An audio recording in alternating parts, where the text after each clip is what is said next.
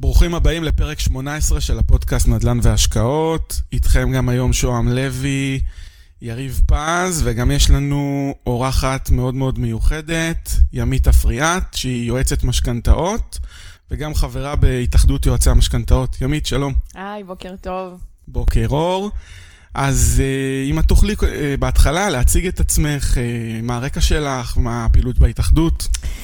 אז כמו שאמרת, שמי ימית אפריאט, אני יועצת משכנתאות פרטית, אני גם יועצת לכלכלת המשפחה, וחברה וחברת הנהלה בהתאחדות יועצי המשכנתאות, עמותה רשומה שאחד ממקורות הגאווה שלי, שאני הקמתי לפני כארבע שנים, עמותה שפועלת באמת ככה במטרה אה, לתת לציבור הלווים את הידע ולצמצם להם את פערי הידע שיש להם מהבנקים אה, ולתת ליועצים אה, ידע מקצועי, כנסים והשתלמויות וככה לעטוף אותם בכל מה שצריך, בכל העדכונים והרגולציות שיהיו הכי הכי מעודכנים והכי מקצועיים שיש.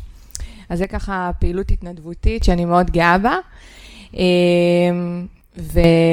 וייעוץ משכנתאות זה, זה השליחות שלי, זה לא, זה לא מעבר לפרנסה, זה באמת ככה מקום שבו אני יכולה אה, ללוות אה, משקיעים וזוגות ומשפחות אה, לרווחה כלכלית, לתכנון עתידי כלכלי טוב יותר, וזה סיפוק אדיר. וזה ממש מה, זה ייעוץ גם של, לכלכלת המשפחה את עושה בתוך זה גם? היה לי חשוב ללמוד כלכלת משפחה, כי בעצם כשאתה מתכנן משכנתה למשפחה או לאדם יחיד, זה, זה לא סתם אה, לקחת תמיל משכנתה וריביות וזהו. אתה צריך להסתכל על כל התמונה ולראות איך זה משתלב לו אה, בשוטף, ואיך זה משתלב לו חמש ועשר שנים קדימה, ל... לראות שזה, שזה ממש אה, תפור אישית, כמו חליפה. ובלימודי כלכלת משפחה אתה לוקח גם מהעולם הזה את האינפוטים ומשלים אותם לייעוץ משכנתה מושלם. מעניין, מעניין. אז uh, היום אנחנו, אני בעצם uh, הזמנתי אותך, כי אנחנו הולכים פה בפרק לדבר על אחד הנושאים שהכי אהובים עליי באופן אישי, בתור מישהו שלמד כלכלה ואפילו גם היה מתרגל, זה כל הנושא של המימון, שתמיד uh, אהבתי אותו לא רק מבחינה מספרית, אלא uh, גם, מבח... גם מהבחינה של uh, איך אפשר uh, להשתמש בכסף של, כסף של אחרים או בכסף שלך בשביל uh, להרוויח יותר. אז uh, אנחנו נקדיש היום את הפרק על הדרכים הכי זולות, הכי משתלמות, הכי חכמות, הכי מתוחכמות, איך uh, לממן השקעות, ובעיקר, זה יכול להיות בעיקר השקעות בארצות הברית, אבל גם השקעות, uh, ניכנס לכמה נושאים של השקעות בישראל, אז אני, אני מעביר פה את השרביט ליריב, שגם נמצא איתנו פה. יריב? יאללה, איזה יופי, שרביט, אהבתי. מה שלומך? הכל בסדר? מצוין, תודה. יואו, איזה יופי. את יודעת, אני תמיד אומר ב, אה, גם לתלמידים וגם אה, בהרצאות, שבעצם אה, להשתמש בכספים של בנקים לצורך השקעות. עד כמה את, עד כמה את מאמינה בזה? אני מאמינה שאם למשפחה יש יכולת, למשפחה או לאדם יש יכולת בעצם באמת למנף את עצמו, בצורה מפוקחת ואחראית, אז שיעשה את זה. בעיקר שסביבת הריבית היא מאוד נמוכה והכסף הוא ממש זול, והוא עושה תוכנית כלכלית, עסקית, נכונה ומדויקת, ומנהל את כל הסיכונים וכל מה שצריך היטב, לא סתם, אתה יודע, יש כאלה שאומרים, שומעים אה, השקעה, הולכים, חושבים, לוקחים אה, חצי מיליון או אפילו יותר, ו- ומסתכנים.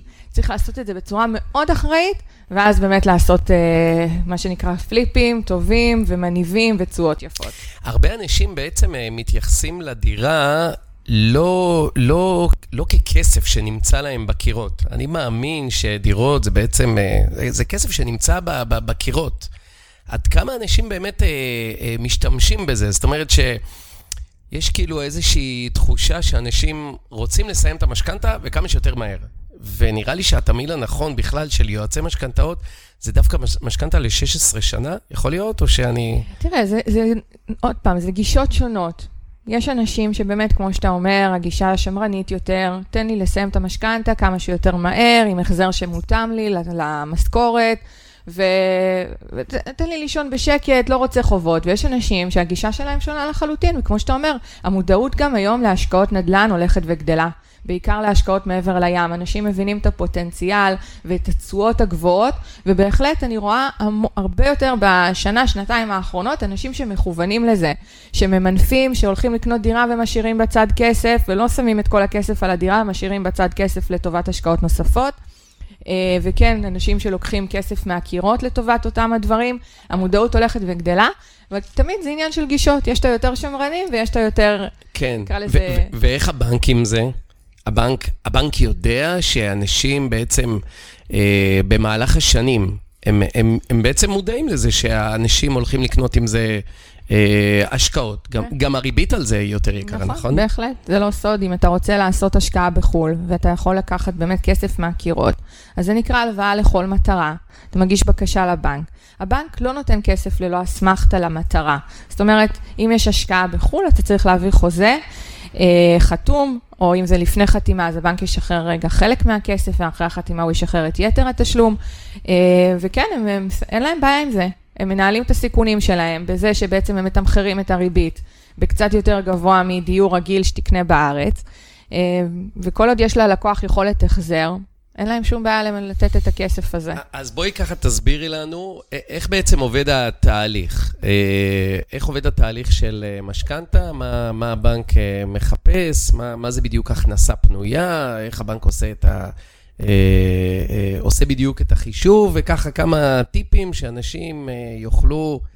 אה, לקחת כסף מהבנק ולהשקיע, או בישראל, או מעבר לים, או זה, איך בעצם עובד התהליך? מה, מה הבנק מחפש? אז בלקיחת משכנתה, באמת אה, לצורך השקעה, הבנק קודם כל יאפשר עד 50% משווי הנכס. זאת אומרת, נאמר ויש נכס בשווי של כ-2 מיליון, ויש משכנתה עליו של מיליון שקלים, זאת אומרת שפה לא נשאר ללקוח ממה לקחת כסף. אם ללקוח יש, אה, לאדם יש משכנתה בסך 200 אלף ש"ח, אז הוא יכול להשלים עוד כ-800 אלף ש"ח לצורך אה, הלוואה לכל מטרה. שזה בעצם ה-50 אחוז, נכון? נכון? חשוב להגיד. שבעצם הבנק עושה ריפיל mm. עד ל-50 אחוז בשווי הנכס, נכון. ואם יש הלוואה אז הוא מפחית את זה, ואז בעצם זה, זה הכסף שהוא מקבל. ישירות לחשבון הבנק. ישירות לחשבון הבנק, בהחלט, בכפוף להצגת איזושהי אסמכתה אה, של הרכישה. אה, במאמר מוסגר אני אומר שחברת כלל ביטוח, נכון. כלל משכנתאות, נותנת 60 אחוז. כן, הם הכי זורמים. אה, הם לא- הכי זורמים. את יודעת, הייתה לי דירה בגבעת שמואל, אגב, שזה היה ייעוד של אה, בית אבות, בקונדו טאוור.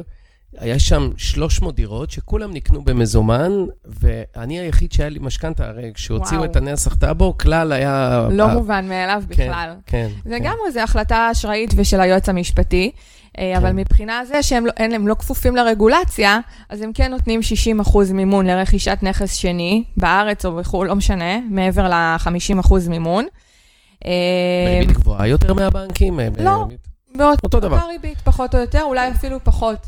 אוקיי. הלוואות לכל מטרה כלל יכולים להיות אטרקטיביים. הם, הם, הם, הם, הם גורם אשראי די בוטיקי כזה, הם אוהבים כן. לקוחות מאוד מאוד טובים, עם התנהלות מאוד טובה, אין על זה פשרות. זה כן. חד משמעית. אוקיי. אה, אז נחזור רגע למה שרווח יותר, שזה הבנקים. כן.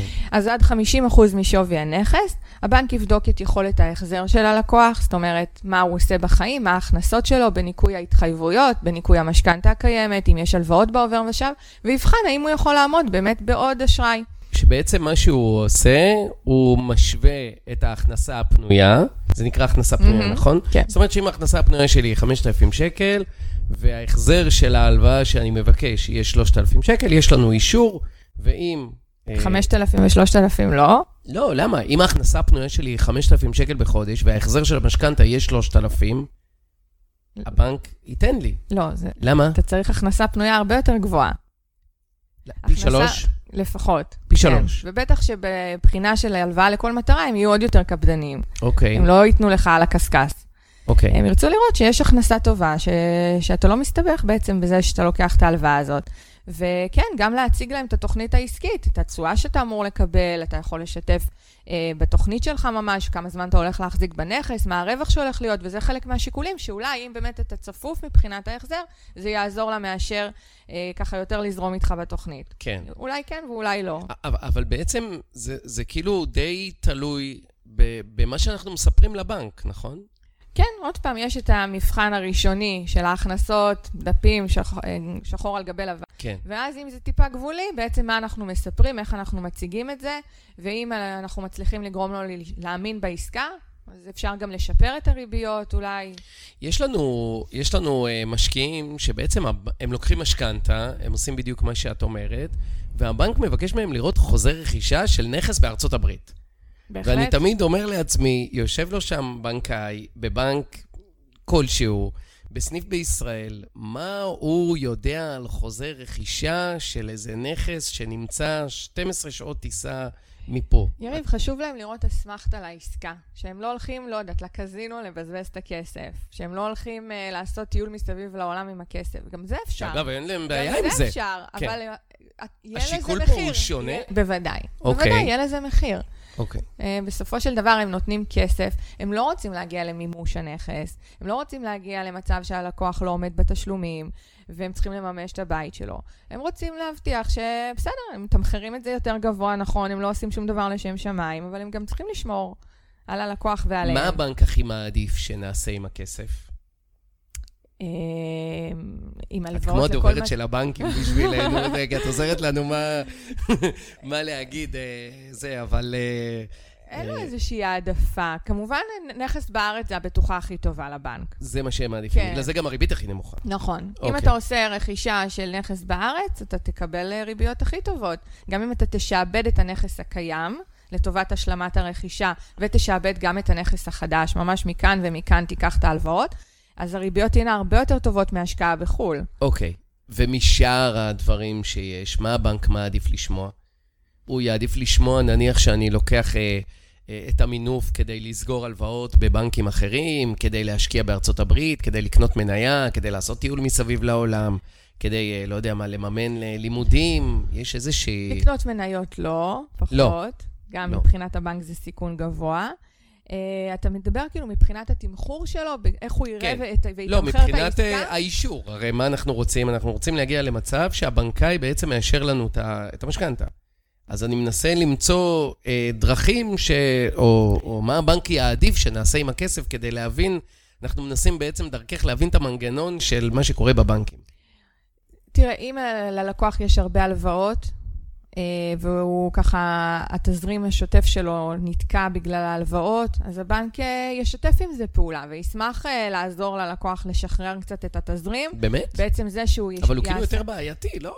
עוד פעם, תלוי. אם זה סתם, לא יודעת, לקוח שקנה בית לפני כמה שנים, ולקח הלוואות לשיפוץ, וככה הלוואות נלוות לרכישה והכול, ואז נוצר לו איזה צוואר בקבוק כזה, שהוא היה ממונף יותר מדי בגלל הרכישה. עוד פעם, זה הכל תלוי איך מציגים את הדברים.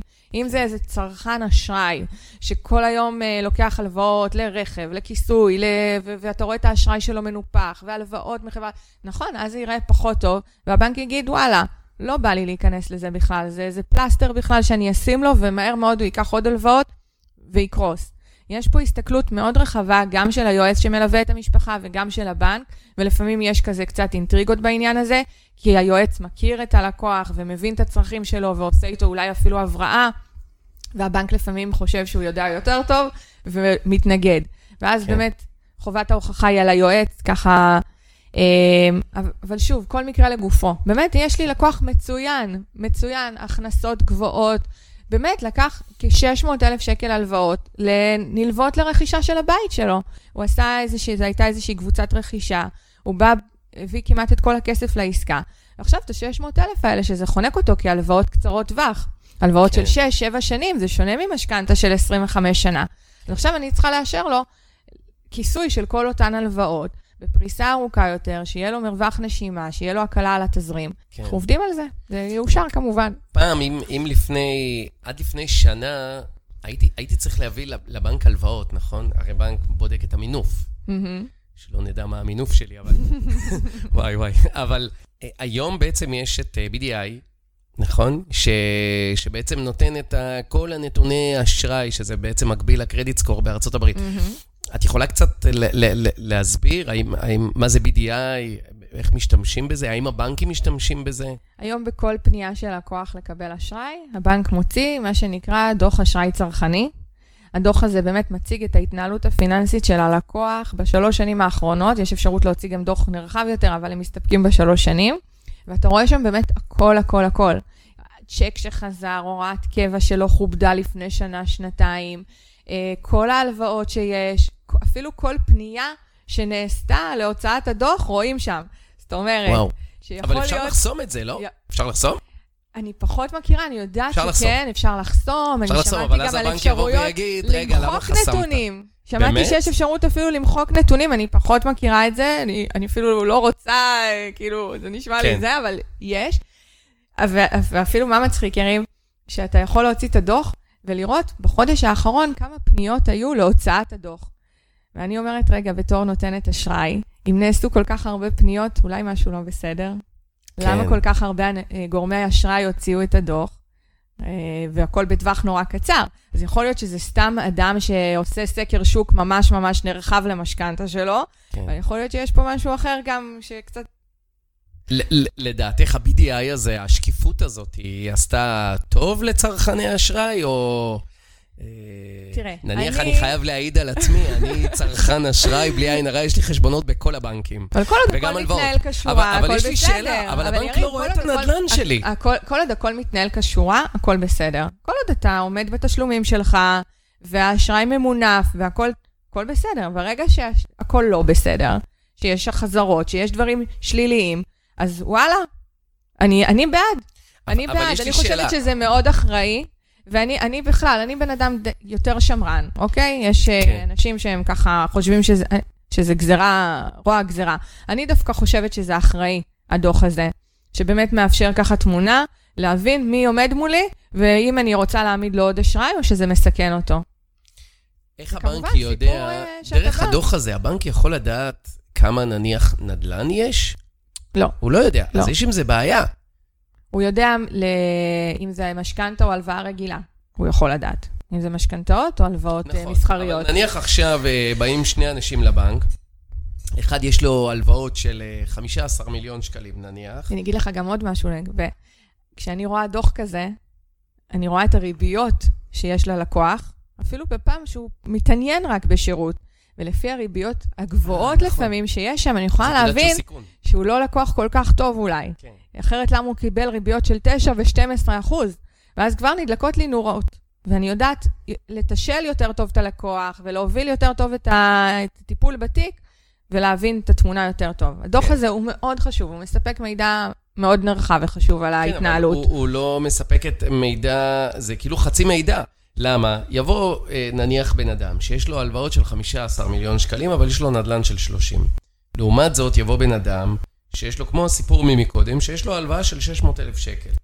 לפי מה שאת אומרת, מהמם. בעצם הבנק יעדיף יותר לתת לבן אדם של ה-600 אלף שקל. בסדר, בזמן. הדוח זה הדבר הראשון שהוא רואה, אחר כך יש את הבן אדם שעומד מולך ומסביר ומספר, ואולי יש היכרות גם עם המנהל בנק, והוא יודע ומכיר אותך, וכל זה ביחד כן יאפשר לך לקבל את האשראי המבוקש וגם בתנאים הטובים ביותר. הבנתי. אז זה איזשהו משהו ראשוני, הדוח הזה. ומכאן יש אותך כבן אדם. זהו, עד, עד כמה הקשר האישי משפיע? מאוד מאוד מאוד משפיע ומאוד מאוד חשוב. אבל, מאוד. אבל מחלקת משכנתאות זה כאילו נפרד מהבנק. עדיין, המנהלי סניפים, ידם בכל, שולטים בהכל, והמנהל סניף שלך בבנק יכול להכריע ולהשפיע על קבלת האשראי שלך השפעה. במשכנתה. כן, מאוד מכריע, מאוד. הבנתי, אוקיי. גם לטוב וגם לרע. גם אם אתה לקוח לא טוב, שלא מתנהל נכון, אבל יש לך ותק בבנק, והוא מכירים אותך, ויודעים למה, למה ההתנהלות האשראית ככה. עוד פעם, הם מבחינים בין התנהלות אשראית של צרכני אשראי כאלה, שמבזבזים בלי הכרה, לבין אנשים שאולי היה להם בעיה עם העבודה, מחלה, לא עלינו, כל מיני דברים שהם מכירים, כי הם ותיקים בבנק והם יודעים. ואז ההסתכלות היא אחרת, ובאמת יכולים... היה לי לקוח שבאמת היה חולה המון שנים, וההתנהלות האשראית הייתה ממש גרועה. הם זכו במחיר למשתכן, עסקת חייהם, הם גרים בדירת שלושה חדרים בראש העין, עם, לא יודעת, לא זוכרת, זה היה לפני איזה שנה, עם ארבעה ילדים, וזכו בדירת שלושה חדרים באיזה 800 אלף שקל, משהו כזה, והיה להם את ההון הראשוני שצריך, ובאמת, לולא אני והמנהל סניף, לא היו מקבלים משכנתה, על הפנים, אבל באמת ביחד עם המנהל סניף הצלחתי להראות לו, והוא מכיר אותם והכל, והם קיבלו משכנתה, וזה היה כמו הגשמת חלום עבורם. כן. איזה בנק, בטח יהיה לך בעיה לענות את השאלה הזאת. עם החיוך, אני כבר חוששת. איזה בנק כאילו הכי קליל כזה? כאילו שהכי הכי נוח. אה, אני חושבת מהניסיון שלי וההרגשה שלי, שבנק מזרחי, כן. כן, כן, אוקיי. אחריו, פה בואו נעשה דירוג כזה של בנקים. אמ, אני הורס לה את העבודה נראה לי. עוד פעם. בנק מזרחי, אבל הוא באמת, אה, זה, הוא באמת הכי קליל, נכון? יש ויש, וכן, אה, יש הרבה עסקאות שלא היו עוברות בבנקים אחרים, ואצלם כן, וגם בגלל צורת החשיבה שלהם. הם יותר מנוסים בזה, נכון? כי זה היה לפני זה הבנק... אדנים? אדנים. כן, יש לא? להם צורת חשיבה קצת שונה, הם רואים את הדברים קצת אחרת. יש להם קצת, אה, בוא נגיד, אה, אצלם לא הכל שחור או לבן, יש להם טיפה אפור, וזה יפה, זה הייחודיות שלהם. לא סתם הם אה, מהווים את הנתח שוק הכי גדול בביצועי משכנתאות, והם לא הכי זולים, אז כנראה שיש סיבה. כן. באופן אישי, אני עובדת עם בנק לאומי המון, וגם מצליחה להעביר שם דברים חריגים. זה גם תלוי ניסיון, תלוי קשרים, תלוי בהרבה דברים. זהו, אבל כן. מה זה בעצם דברים אה, חריגים? כמו מה? למשל... אני אגיד לך למה אני חושב שבנק מזרחי הוא נניח אה, טוב, כי בנק מזרחי הוא הבנק היחיד, ואגב, גם כלל, שאין להם בעיה עם דירות מחולקות. נניח. עוד פעם, כל מקרה לגופו. כל מקרה לגופו. שנניח בבנקים אחרים, אם תרצי לעשות refinance על דירות שהן אה, נניח מחולקות, ויבוא השמאי, גם בנק מרקנטיל ידוע כאחד ש... אה, שמקל אה, בעניין הזה של דירות מחולקות, וגם כל מקרה לגופו. Uh, אישרתי בבנקים שונים uh, דירות מחולקות, כאשר uh, לצורך העניין הלקוח התחייב להחזיר את המצב לקדמותו. כן. אז התחייב. תגידי. איזה יופי. Uh, טוב, אנחנו מקליטים את זה כאילו בתקופת uh, קורונה. נכון, אנחנו בספטמבר 2020. אה, גל שני. גל שני. גל שלישי, לא? כן, וואי וואי. עד כמה בעצם התקופה הזאת היא מטיבה עם אה, לווים? עד כמה היא מטיבה עם אה, משקיעים? מה, מה, מה, מה קורה בתקופה הזאת? קשה לגשת, גם העניין של הנגישות. כן, מאוד קשה להגיע היום לסניפים. צריך לתאם... פיזית. כן, פיזית. כן, צריך כן. לתאם פגישות מראש, התורים מאוד ארוכים. לכן גם ככה מאוד מומלץ להיעזר ביועץ משכנתאות טוב ומנוסה ומקושר. למשל... במקרה יש לנו פה אחת אה, כזאת, ימית. כן, האמת שהיחסים שלי עם הבנקים כל כך טובים ברמה שכאילו... שזה הכי חשוב. לא, אני חייבת לשתף דוגמה קורעת. בבקשה. לקוח, אה, ואני כותבת לו ב-10, מה הייתה? השעה הייתה 10 בבוקר. היי, מה נשמע? מתי אתה רוצה להגיע לחתימות בבנק? זה היה ממש השבוע. הוא אומר לי, אני בחופש, אפשר היום ב-11? אז אני רושמת לו, זה היה בוואטסאפ, אני רושמת לו, ממש, אה, בוא נהיה ריאליים. ואז אני כזה, רגע, שנייה, כותבת לבנקאית שאני עובדת איתה, מה הסיכוי שאנחנו באים היום ב-11 לחתום על התיק של אה, זה? אומרת לי, יאללה, בואי. אחרי שנייה אני כותבת לו, אתה יודע מה? וואלה, הבלתי יאומן קרה, ניפגש היום ב-11, והייתה הפגישה מתואמת ל-12, הייתה לי פגישה שם מתואמת ל-12, הייתי עם הילדים בבית, אומרת להם, חבר'ה, תתלבשו, אנחנו יוצאים עכשיו לבנק, כן. ונפגשנו. אז הקשרים האלה הם מאוד מאוד חשובים נכון. ומקלים ועוזרים נכון. לזרז את הכל. אה, ובטח אם אתה לחוץ לכסף, וצריך להעביר תשלום לקבלן, או צריך להעביר תשלום למוכר שלך, ואתה עומד בלוח תשלומים, אז באמת תקופת הקורונה הפכה את הכל ליותר לחוץ ויותר ככה ריסקי, ואנשים מאוד לחוצים ומקדימים תשלומים. מעבירים כסף לפני הזמן, כי הם לא יודעים מהלא נודע, הם פוחדים להיכנס להפרת חוזה. אה, אז זה ככה בהיבט הזה של הקורונה ואיך היא השפיעה על הלחץ. הבנקים נותנים יותר הלוואות, פחות הלוואות? אני חושבת שיש הרבה ביצועים, ושוב, באמת מהפן הזה שאנשים רוצים להקדים. גם למחיר למשתכן, גם דירות קבלן רגילות, גם מוכרים רגילים, הם מקדימים תשלומים כי הם בלחץ. כן. הם בלחץ, אולי יפטרו אותם, יוציאו אותם לחל"ת, וזה יהווה להם בעיה להמשיך את התהליך, הם בלחץ. כן. וזה גם קצת שרוב אבסורד, יריב, אני רואה אנשים רצים לקחת משכנתה מפאת הפחד שיפטרו אותם. ואני אומרת. לעצמי, אוקיי, אז אם יפטרו אתכם, אתם לא מפחדים שלא תעמדו במשכנתה? אין להם את הפחד הזה. נכון. עזבי את זה, איך הם רצים אבל- לקחת. אבל- אבל איך הבנק לא חושש? לא יודעת להסביר את זה, באמת. זה, אני חושבת שהבנק היה צריך, אה, לא יודעת, לעשות בדיקות. הוא לא צריך להיות המבוגר האחראי, הרי חלק גדול מהמשכנתאות שאנשים אה, לוקחים, זה לא, לאו דווקא לצורך אה, השקעות, אלא יותר לסגור הלוואות קיימות וכולי, זה לא, לאו דווקא רק לרכישת דירה, לדעתי, לא? כן, עכשיו בתקופת הקורונה, כן. אה, בנק ישראל גם נתן הוראת שעה, שהייתה אמורה להסתיים ב-30 לתשיעי, אבל אה, במסגרת הפנייה שלנו מהתאחדות יועצי המשכנתאות, האריכו את זה בעוד חצי שנה. הוראת השעה אומרת, להבדיל ממה שדיברנו מקודם, שניתן לקבל עד 50% משווי הנכס, הוראת השעה באה ואומרת שניתן לקבל עד 70% משווי הנכס. המטרה העיקרית היא לצורך סגירת הלוואות, לא להשקעה בארץ. כן. אוקיי, ובכל זאת... ובכל זאת, רגע, אז בעצם, אה, זאת אומרת, אני רגע אה, אסביר בשפה פשוטה יותר את מה שאת אומרת. זאת אומרת שאם יש לי נניח נכס שעולה מיליון שקלים, ולא היה לי עליו שום אה, אה, הלוואה, לפני תקופת הקורונה הייתי יכול לקחת, אה, לעשות ריפייננס, מחזור נכון. משכנתה, לא. מחזור, הלוואה לכל כאילו מטרה. לקחת אה, הלוואה זה של בעצם 500 אלף. נכון, ועכשיו אפשר לקחת בעצם 700 אלף נכון שקלים. מאוד. זאת אומרת שבעצם אפשר לקחת אה, הלוואה ולהשתמש בזה גם לסוג של השקעות כאלה ואחרות. עוד פעם, בעיקרון, ההוראה באה ואומרת שזה לצורך, לא לצורך השקעת נדל"ן, גם היה, אה, נוטל ההלוואה חותם על הצהרה, שזה לא לצורך השקעה בישראל. ומה עם ארצות הברית נניח? הוא לא חותם על זה. הוא לא חותם על זה, הוא לא חותם על זה. הבנתי. זאת אומרת שזה כאילו יכול להיות איזושהי הזדמנות, כאילו, ל- ל- לאנשים אחרים.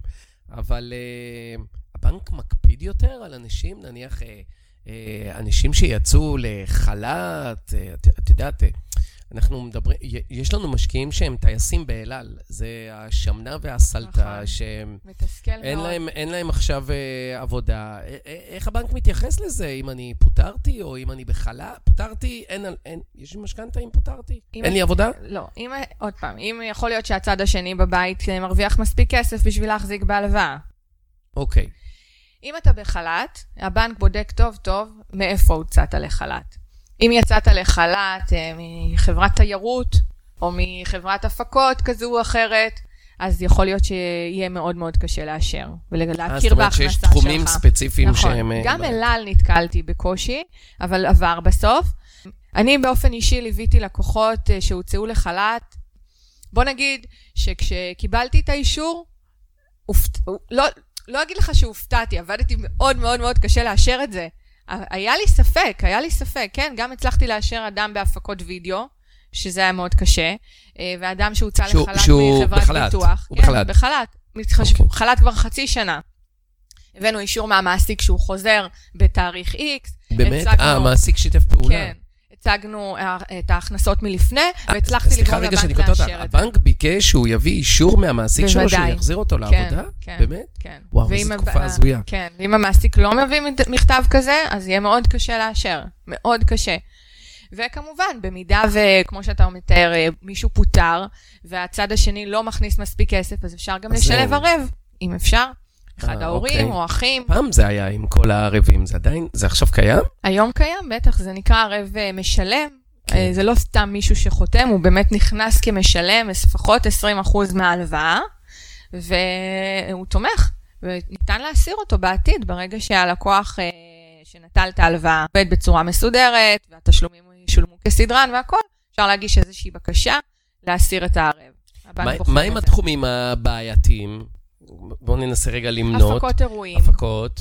אולמות אירועים, כן. אה, תיירות, מאוד בעייתי. אה, מסעדות, מאוד וואו. בעייתי. כן. אה, אל על גם קצת, תלוי בתפקיד שהיית. שאנחנו לא מדברים על אנשים שפוטרו, אנחנו מדברים על אנשים שהם בחל"ת. כן, כי הבנק אומר, בעיה. אולי הוא לא חוזר, ואני חייבת להגיד לך שהיו לי כאלה. היה לי באמת אדם מעולם התיירות שהוצא לחל"ת, ותוך כדי החל"ת הוא פוטר, כי הם סגרו. חברות פושטות רגל, אנשים סוגרים את, את שעריהם, כאילו, הקורונה הזאת היא קטסטרופה, פשוט. תגידי, עד כמה את חושבת שיש אה, סוג של בועה? כאילו, אנשים שבחל"ת, שכל מעסיק יכול לחתום על כל פתק שיבקשו ממנו בשביל שהוא יקבל כן. איזה... הבן אדם הזה מקבל הלוואה. מחירי הנדל"ן פה הם אה, גבוהים. עד כמה את חושבת שיש פה איזשהו משהו שהוא לא תקין, שבסופו של דבר מישהו ישלם על זה? אני חושבת, עוד פעם, אמרתי, אני אדם שמרן, ואני ממש חוששת מזה. וכשמגיע אליי לקוח עם אה, איזושהי, אה, איזשהו, אני מזהה איזה רמת סיכון, אני מנסה בכל כוחי להוריד אותו מזה. באמת, משכנעת לרדת מהעסקה. ולפעמים אני שלא יקנה דירה. שלא יקנה. שלא כן. יקנה, אני רואה את רמת הסיכון, וזה זוגות צעירים בדרך כלל. והבנק רואה את זה גם? הבנק רואה את זה, אבל והוא הבנק... נותן? אה, כן, כן, כן. כן, הם מוכרים כסף, יריב, פח... כאילו עוד פעם, יש בנקים כן, יותר אני רוצה, אם ויש אני- אם- בנקים אם פחות. אני בנק, אני רוצה למכור כסף למי שיש לו כסף, למי שיחזיר. את יודעת, אני תמיד אומר למשקיעים שהבנק נותן מטריות ביום שמש, ולא כשגשום. ועכשיו גשום, הבנק לא אמור לתת כסף לאנשים שאין להם, לאנשים שאין להם הכנסה. נכון, אז הם אולי בודקים קצת יותר, ועדיין אני, אני רואה, אני רואה שבכל זאת, גם עסקאות שאני באופן אישי אמרתי להם לא להיכנס, לא לעשות, ממש עזרתי, אחרי חודש, חודשיים הם מתקשרים, ימית, קנינו, תלווי אותנו. ואז אני כאילו, אוקיי, לפחות, אני אומרת, אני אנסה בכל זאת למזער להם את הסיכונים ולדאוג להם למשכנתה יותר טובה ממה שהם יקבלו לבד, אז אני כן מלווה אותם. כן. אני לא ישנה בלילה בגללם, הם ישנים טוב, אני לא ישנה כן. בלילה בגללם. כן. אבל מצליחים, הבנק נותן. את יודעת שבארצות הברית את יכולה לדעת, אה, דיברנו בפודקאסט הקודם עד כמה הכל נורא שקוף. אז את יודעת שבארצות הברית את יכולה לדעת אם אנשים לא עומדים במשכנתה, על אנשים ספציפיים, שיש להם דיפולט במשכנתה. גם עכשיו עם הדוח אשראי צרכני אתה יכול לדעת. מה זה? גם עכשיו עם הדוח אשראי צרכני. כן, אבל זה לא פאבליק. הבנק יודע את זה, אבל לא אני, לא אה, את. שסתם אה, אתה עכשיו כן. נגיד משכיר דירה למישהו, ברור. ואתה יכול לקבל עליו מידע כזה, אם ברור. הוא נגיד לא עמד בתשלומי המשכנתה שלו? כן, לא רק זה, לא נעים לי להגיד, אבל אה, דיברנו מקודם על motivated sellers, זה אנשים שיש להם מוטיבציה למכור את הנכס. מהמם. חלק מהליסט שאנחנו קונים, אנחנו קונים רשימות של אנשים שלא שילמו למשכנתה שלוש פעמים. וואו, כן. אוקיי. אבל גם עם דוח אשראי צרכני אתה יכול להוציא כן, בעצמך. אבל אני בן אדם פרטי. אתה יכול להוציא אותו בעצמך. אתה נכנס לאתר של לא, בנק אני יכול ישראל להוציא על. עצמי. נכון. אני מדבר על אנשים אחרים, אני יכול לקבל רשימה, תחשבי שכאילו בארץ היה מנגנון שהייתי עכשיו יכול לדעת מי הם כל אזרחי המדינה שלא שילמו משכנתה במשך שלושה חודשים. אני לא גוף פיננסי, אני בן אדם פרטי, אנחנו עסק. מעניין. יכול כמה לדעתך הנתונים האלה פה, כמה. כמה לדעתך אנשים לא משלמים פה משכנתאות? איך אפשר לדעת את הנתון הזה? האם... יש נתון על, על מימושים, אני לא מכירה אותו, אבל אני לא יודעת איפה הוא מתפרסם. הבנק בעצם לא אוהב הבנק לחשוף לא את זה. נכון? לא, הוא לא רוצה גם להגיע לכדי מימוש. לא, זה ברור. אבל בטח שלא לחשוף את זה. כן. הדבר האחרון שהבנק רוצה זה שתדע שהוצאת את אה, גברת רבקה בת 60 מהבית מהבית. שלה בזה, או הוצאת את אה, אדון אה, מישהו, לא יודעת, נכה חס וחלילה, או... אז זה הדבר האחרון שהם רוצים, היח"צ הכי גרוע שיש. נכון. אז זה מאוד מעניין דוח כזה, כן. באמת יכול אה, לשרת. עד- כמה כאילו לדעתך, האם בתקופה כזו יש מן הסתם הרבה יותר דיפולטים, לא? אנשים יותר לא עומדים במשכנתאות מאשר היה עכשיו... תקופה רגילה, לא? לא הגיעו לזה, כי הבנק אפשר הקפאות, אז זה לא הגיעו באמת. אנחנו מקווים מאוד מאוד שעכשיו שיסתיימו ההקפאות שאנשים עשו במרץ, לא יהיה דיפולטים. כי מתי אנשים- נגמר? אנשים- ספטמבר? עכשיו? אנשים התחילו את ההקפאות במרץ, כשהתחילה החלה הקורונה. אה, חלקם עשו לשלושה חודשים, חלקם עשו לחצי שנה, חלקם עשו גרייס מלא, מה שנקרא, לא לשלם כלום, חלקם שילמו ריבית. עכשיו, בספטמבר, באמת אמור להסתיים ההקפאות שנעשו לפני כמה חודשים, ואנחנו מקווים באמת שלא נראה דיפולטים, כמו את שאתה חושבת אומר. שהבנק ישראל יעריך את זה? כן, אפשר. אפשר לפנות הבנתי לבנק שבנק שוב. לאומי נתן שנתיים. נכון, אפשר לפנות שוב לבנק, לבקש עוד פעם. ודרך אגב, גם אמרו שזה לא יפגע בשום דבר, בדירוג שלהם, בבקשה אחרי, אחר כך לעוד אשראי נוסף, ואנחנו רואים שזה כן פוגע. אנחנו כן. רואים שזה כאילו מסמן אותם כ... אה, פוגע להם בדירוג האשי. אה, זה פוגע? מי כן. מי שביקש דחייה, זה- זה פוגע לו בדירוג כן, בדירוג האשראי? גם על הלוואה או רק משכנתה? או הכל? הכל פוגע בדירוג, ואז בעצם בעודך בא לבקש אשראי נוסף, רגע, אוי. אה, ירדת בדירוג, אז אנחנו נתמחר לך, אבל אה, צריך גם פה, ל- ל- זה לא אמור להיות ככה. ההוראה אומרת שזה לא יפגע בדירוג. מה הדירוג הכי נמוך? איך זה הולך פה ב... ב... זה משתנה במספרים? בין הבנקים, כן, יש כאלה שזה מ-1 ל-10 וההפך. נכון. ככל שאתה מדורג יותר גבוה בבנק לאומי לצורך העניין, זה לא טוב. אבל איך BDI אה, מדרג את זה? גם הוא יש לו מספרים, לא? יש עד 800 אני חושב, או הסקור, 850? כן. כן. את יודעת את המספרים? אני לא זוכרת, 900 אולי אפילו? לא, אני חושב שזה אמור להיות 800. 800? 850, משהו כזה. יש את, הקפ... את, ה... את האפליקציה של הקפטן קרדיט. אפשר, כן, כל אחד נכון. יכול להוריד אותה ולראות את הדירוג שלו. כן. אני חושב שזה מגיע עד אלף. עד אלף? אלף? אה, כן. לא, לא זוכרת. אני זוכרת שהסתכלתי 900, נו, הנה, אני, אנחנו באמצע. אני חושב שאלף זה הדירוג המושלם, וזה מתחיל מ-200 או משהו כן. כזה. כן, זה לא, זה, אין מישהו שיש לו דירוג של... באפליקציה כתוב ממש מה משפיע. אני זוכרת שנכנסתי לשם לפני שזה יצא, והפתיע אותי שהיה רשום לי שבגלל שאין לי הלוואות, אני מדורגת פחות טוב. כן, כן, כי... אם היו לי הלוואות, זה כן, היה הם יותר... רוצים לראות איך את משלמת לפי ההלוואות והכל. זה מצחיק. כן, הם, הם רוצים... כן, הם... ואם אתה לוקח הלוואה וסוגר, ולוקח וסוגר, זה משפר את הדירוג. לא? האמת, אצלי הסתכלתי, מה לשפר זה שיש משכנתה.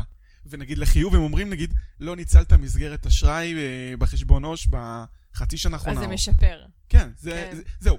יש לך את המסגרת, נתנו לך סימן שאתה טוב, כן. ולא ניצלת, סימן שאתה אחראי. כן, כן. אז זה, זה, זה מה שאני זוכר, וכן, זה ממווה ומסכם את הנתונים בכל הבנקים. אה, תראו, אני, אני, אני רוצה עכשיו אה, לעבור קצת לדברים קצת יותר פרקטיים. אני רוצה לדבר על כל התהליך של, נניח, יש לי עכשיו אה, אה, בית בישראל. אה, אני רוצה לקנות בית בארצות הברית. אה, מה הדרך, אני, אני מניח שיעצת לאנשים כאלה בעבר.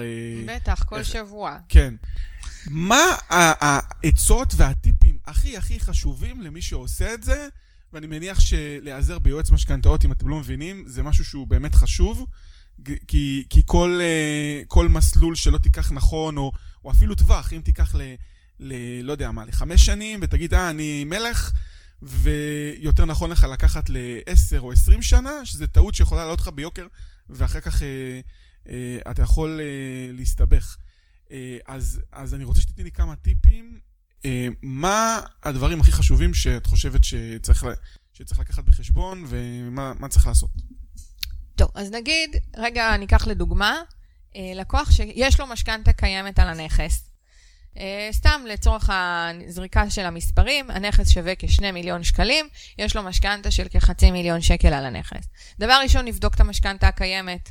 נראה שהיא טובה, שהריביות שלה תואמות לשוק היום, שהיא מתאימה עדיין לצרכים של הלקוח מבחינת ההחזר שלו והכל, ואנחנו נבחן איך התוספת שהוא רוצה, נאמר עוד 300-400 אלף שקל, משתלב יחד עם המשכנתה הקיימת.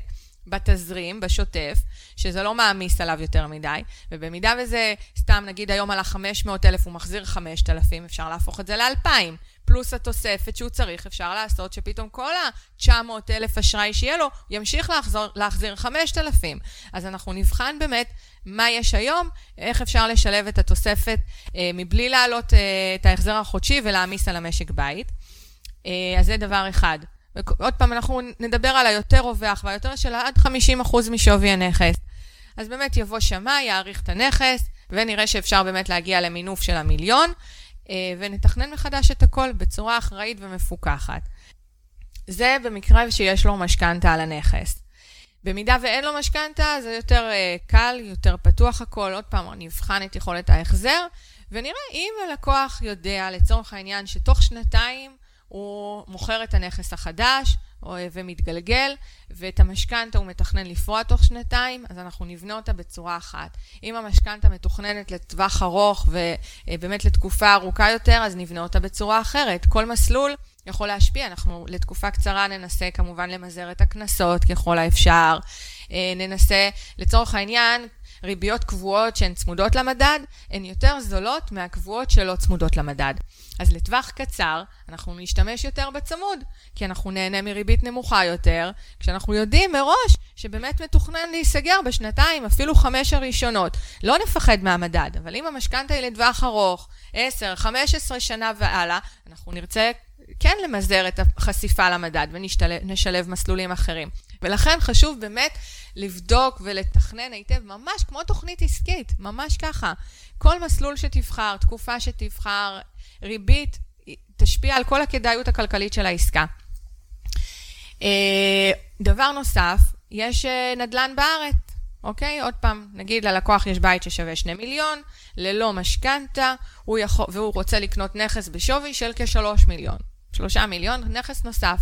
מעבר לעלויות הנלוות שהוא צריך לקחת בחשבון של מס רכישה, ואם יש תיווך ועורך דין והכל, זה כסף שהוא צריך להשאיר בצד, כי אי אפשר לקבל עליו, אה, למרות שאפשר מהנכס הקיים לקבל הלוואה לכל מטרה, אבל עדיף להשאיר מהון עצמי. ואז פה במקרה כזה אתה יכול לקבל עד מיליון שקל על הנכס הקיים שלך, ועד מיליון וחצי על הנרכש. מהנכס החדש. כן. בדיוק. סבבה, אז יש לך שניים וחצי מיליון, אתה צריך להביא עוד חצי מיליון בשביל להשלים את העסקה, פלוס ההוצאות הנלוות. אה, מקרה נוסף שאפשר אה, ככה בהשקעות, וזה ככה, עוד פעם, דיברנו על ה... לפעמים לא הכל שחור ולא הכל לבן. כן. אה, כשאדם רוכש דירה נוספת בישראל, בעיקרון, אם הוא מצהיר שהוא מוכר את הדירה הנוכחית שלו תוך שנה וחצי, והוא מצהיר על זה מול עורך דין, הוא יכול לקבל עד 70% מימון לנכס הנרכש. החדש. החדש, כן. כן. הוא יכול להתחרט. קיבל 70% מימון, הוא יכול להתחרט אחר כך שהוא לא רוצה למכור. כן. הוא ישלם מס רכישה, 5 עד 8%, כן, וזהו. הבנתי. אה, יפה, ואז בעצם הוא מקבל 70 אחוז, ב... יהיה לו גם על הדירה הראשונה שהוא קיבל זה, וגם על הדירה השנייה. לא, רק 70 אחוז לא, לדירה. הבנתי, על הדירה- אם הוא אומר שהוא מוכר, הוא, הוא לא יקבל. מימון, כן, מימון כן. על הקיים. כן, כן, ברור. הוא ברור. יקבל אבל 70 אחוז כן. מימון על הנרכש, ולא כן. 50. כן, הבנתי. אוקיי. יש לי, אה, תראי, במיוחד אה, בתקופה הזאת, אה, יש איזה כמה דברים שאת יכולה... אני, אני אגיד, אני אוהב, אני אוהב משכנתאות, כי זה, ההלוואה הכי זולה לפרק זמן הכי ארוך. נכון. הרבה אנשים נורא סולדים ממשכנתאות. אני חסיד גדול של משכנתאות, ובלי עין הרע יש לי לא מעט.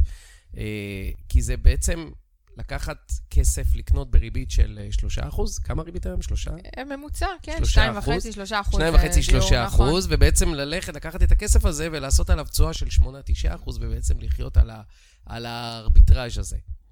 עד כמה בעצם, אה, לא, בעצם ההלוואה לכל מטרה היא, היא תהיה, יותר גבוהה. היא תהיה יותר גבוהה. כמה היא תגיע? 4 אחוז? 5? ארבעה וחצי, אבל שוב, אם יש לך הון, אז אל תשים את כולו על הנכס. כן. כמו שאתה אומר, תביא מש... ב- ב- בעסקה רגילה, סטנדרטית של דיור, שעכשיו אתה קונה דירה בישראל, כן. ויכול להגיע עד 75% מימון לדירה ראשונה, כן. ויש לך הון ל- אפילו ל-50% מהעסקה.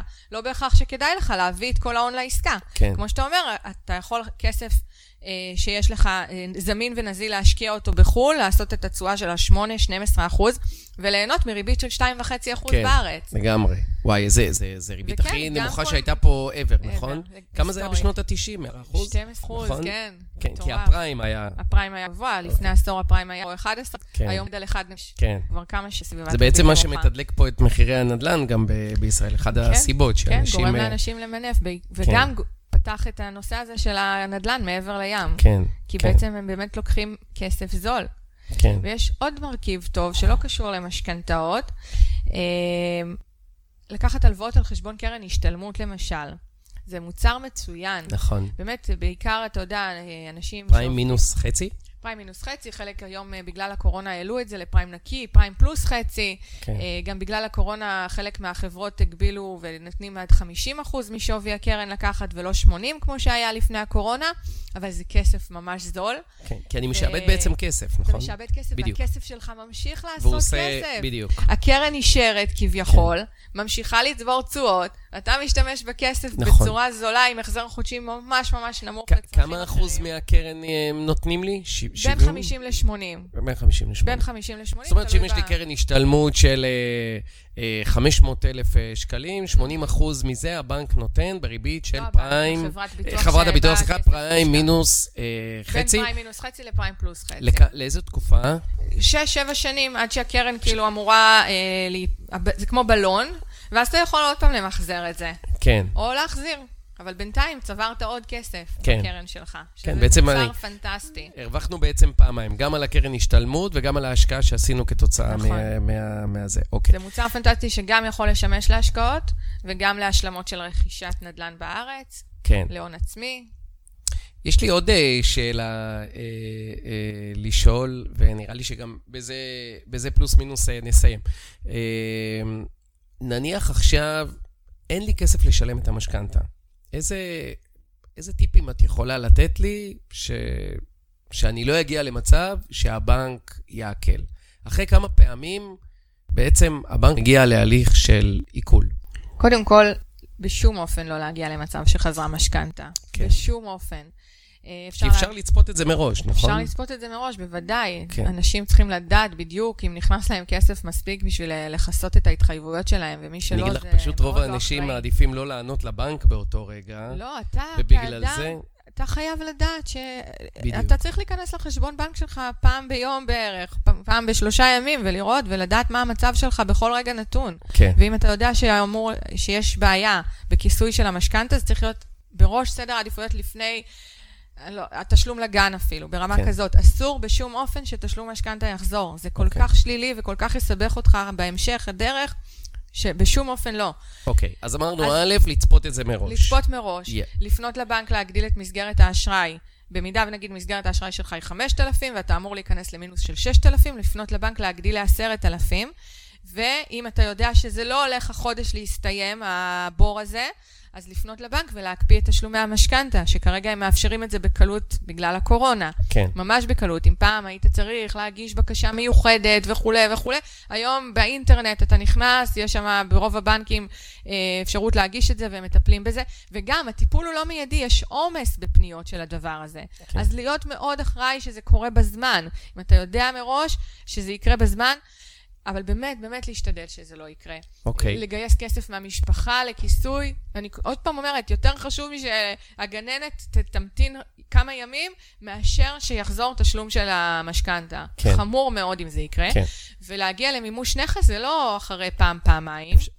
זה תהליך יותר ארוך, וכמובן, תהליך משפטי, וכל מכתב כזה אתה תשלם עליו כסף. כן. אתה לא רוצה להגיע לזה בשום אופן. נכון. בשום אפשר- אופן. אפשר לעשות גם ריפייננס, ואז כן. בעצם להקטין את התשלום, נכון? נכון? אם אתה רואה שעכשיו, בשל המצב, החזר של ה-5,000 שהתחייבת אליו כבד לך, ויש לך לאן לפרוס, נגיד שלא התחלת את המשכנתה לפני שנה ל-25 או 30 שנה מראש, שזה אחד מכללי האצבע שלי גם. בבניית משכנתה, אני תמיד אומרת ללווים, אל תתחילו מ-30 שנה את המשכנתה.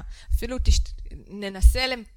לא להגיע ל-25, אולי בחלק מהמסלולים. כן. כי אז באמת, אם אתה רוצה לפרוס בשל איזושהי מצב כלכלי לא טוב שנקלעת אליו, אין לך לאן. כן. בן אדם שהתחיל לפני שנה-שנתיים משכנתה של 30, מה הוא יעשה עם פריסה ל-30 מחדש?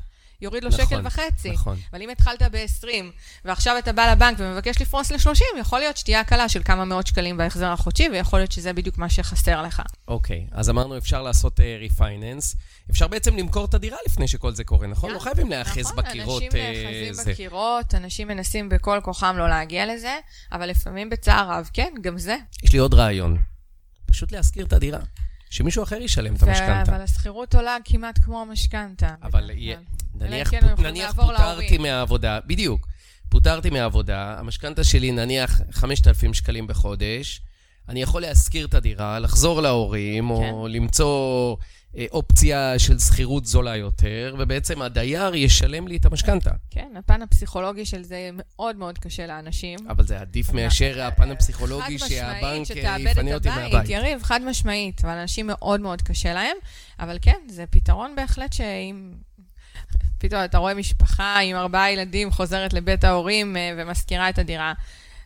זה בהחלט עדיף מלאבד את הבית, כן. אבל אנשים, קשה להם עם זה. קשה כן. להם לעשות את הפעולות האלה. הם לא רואים בזה שזה מציל אותם. כן. טוב, בסדר.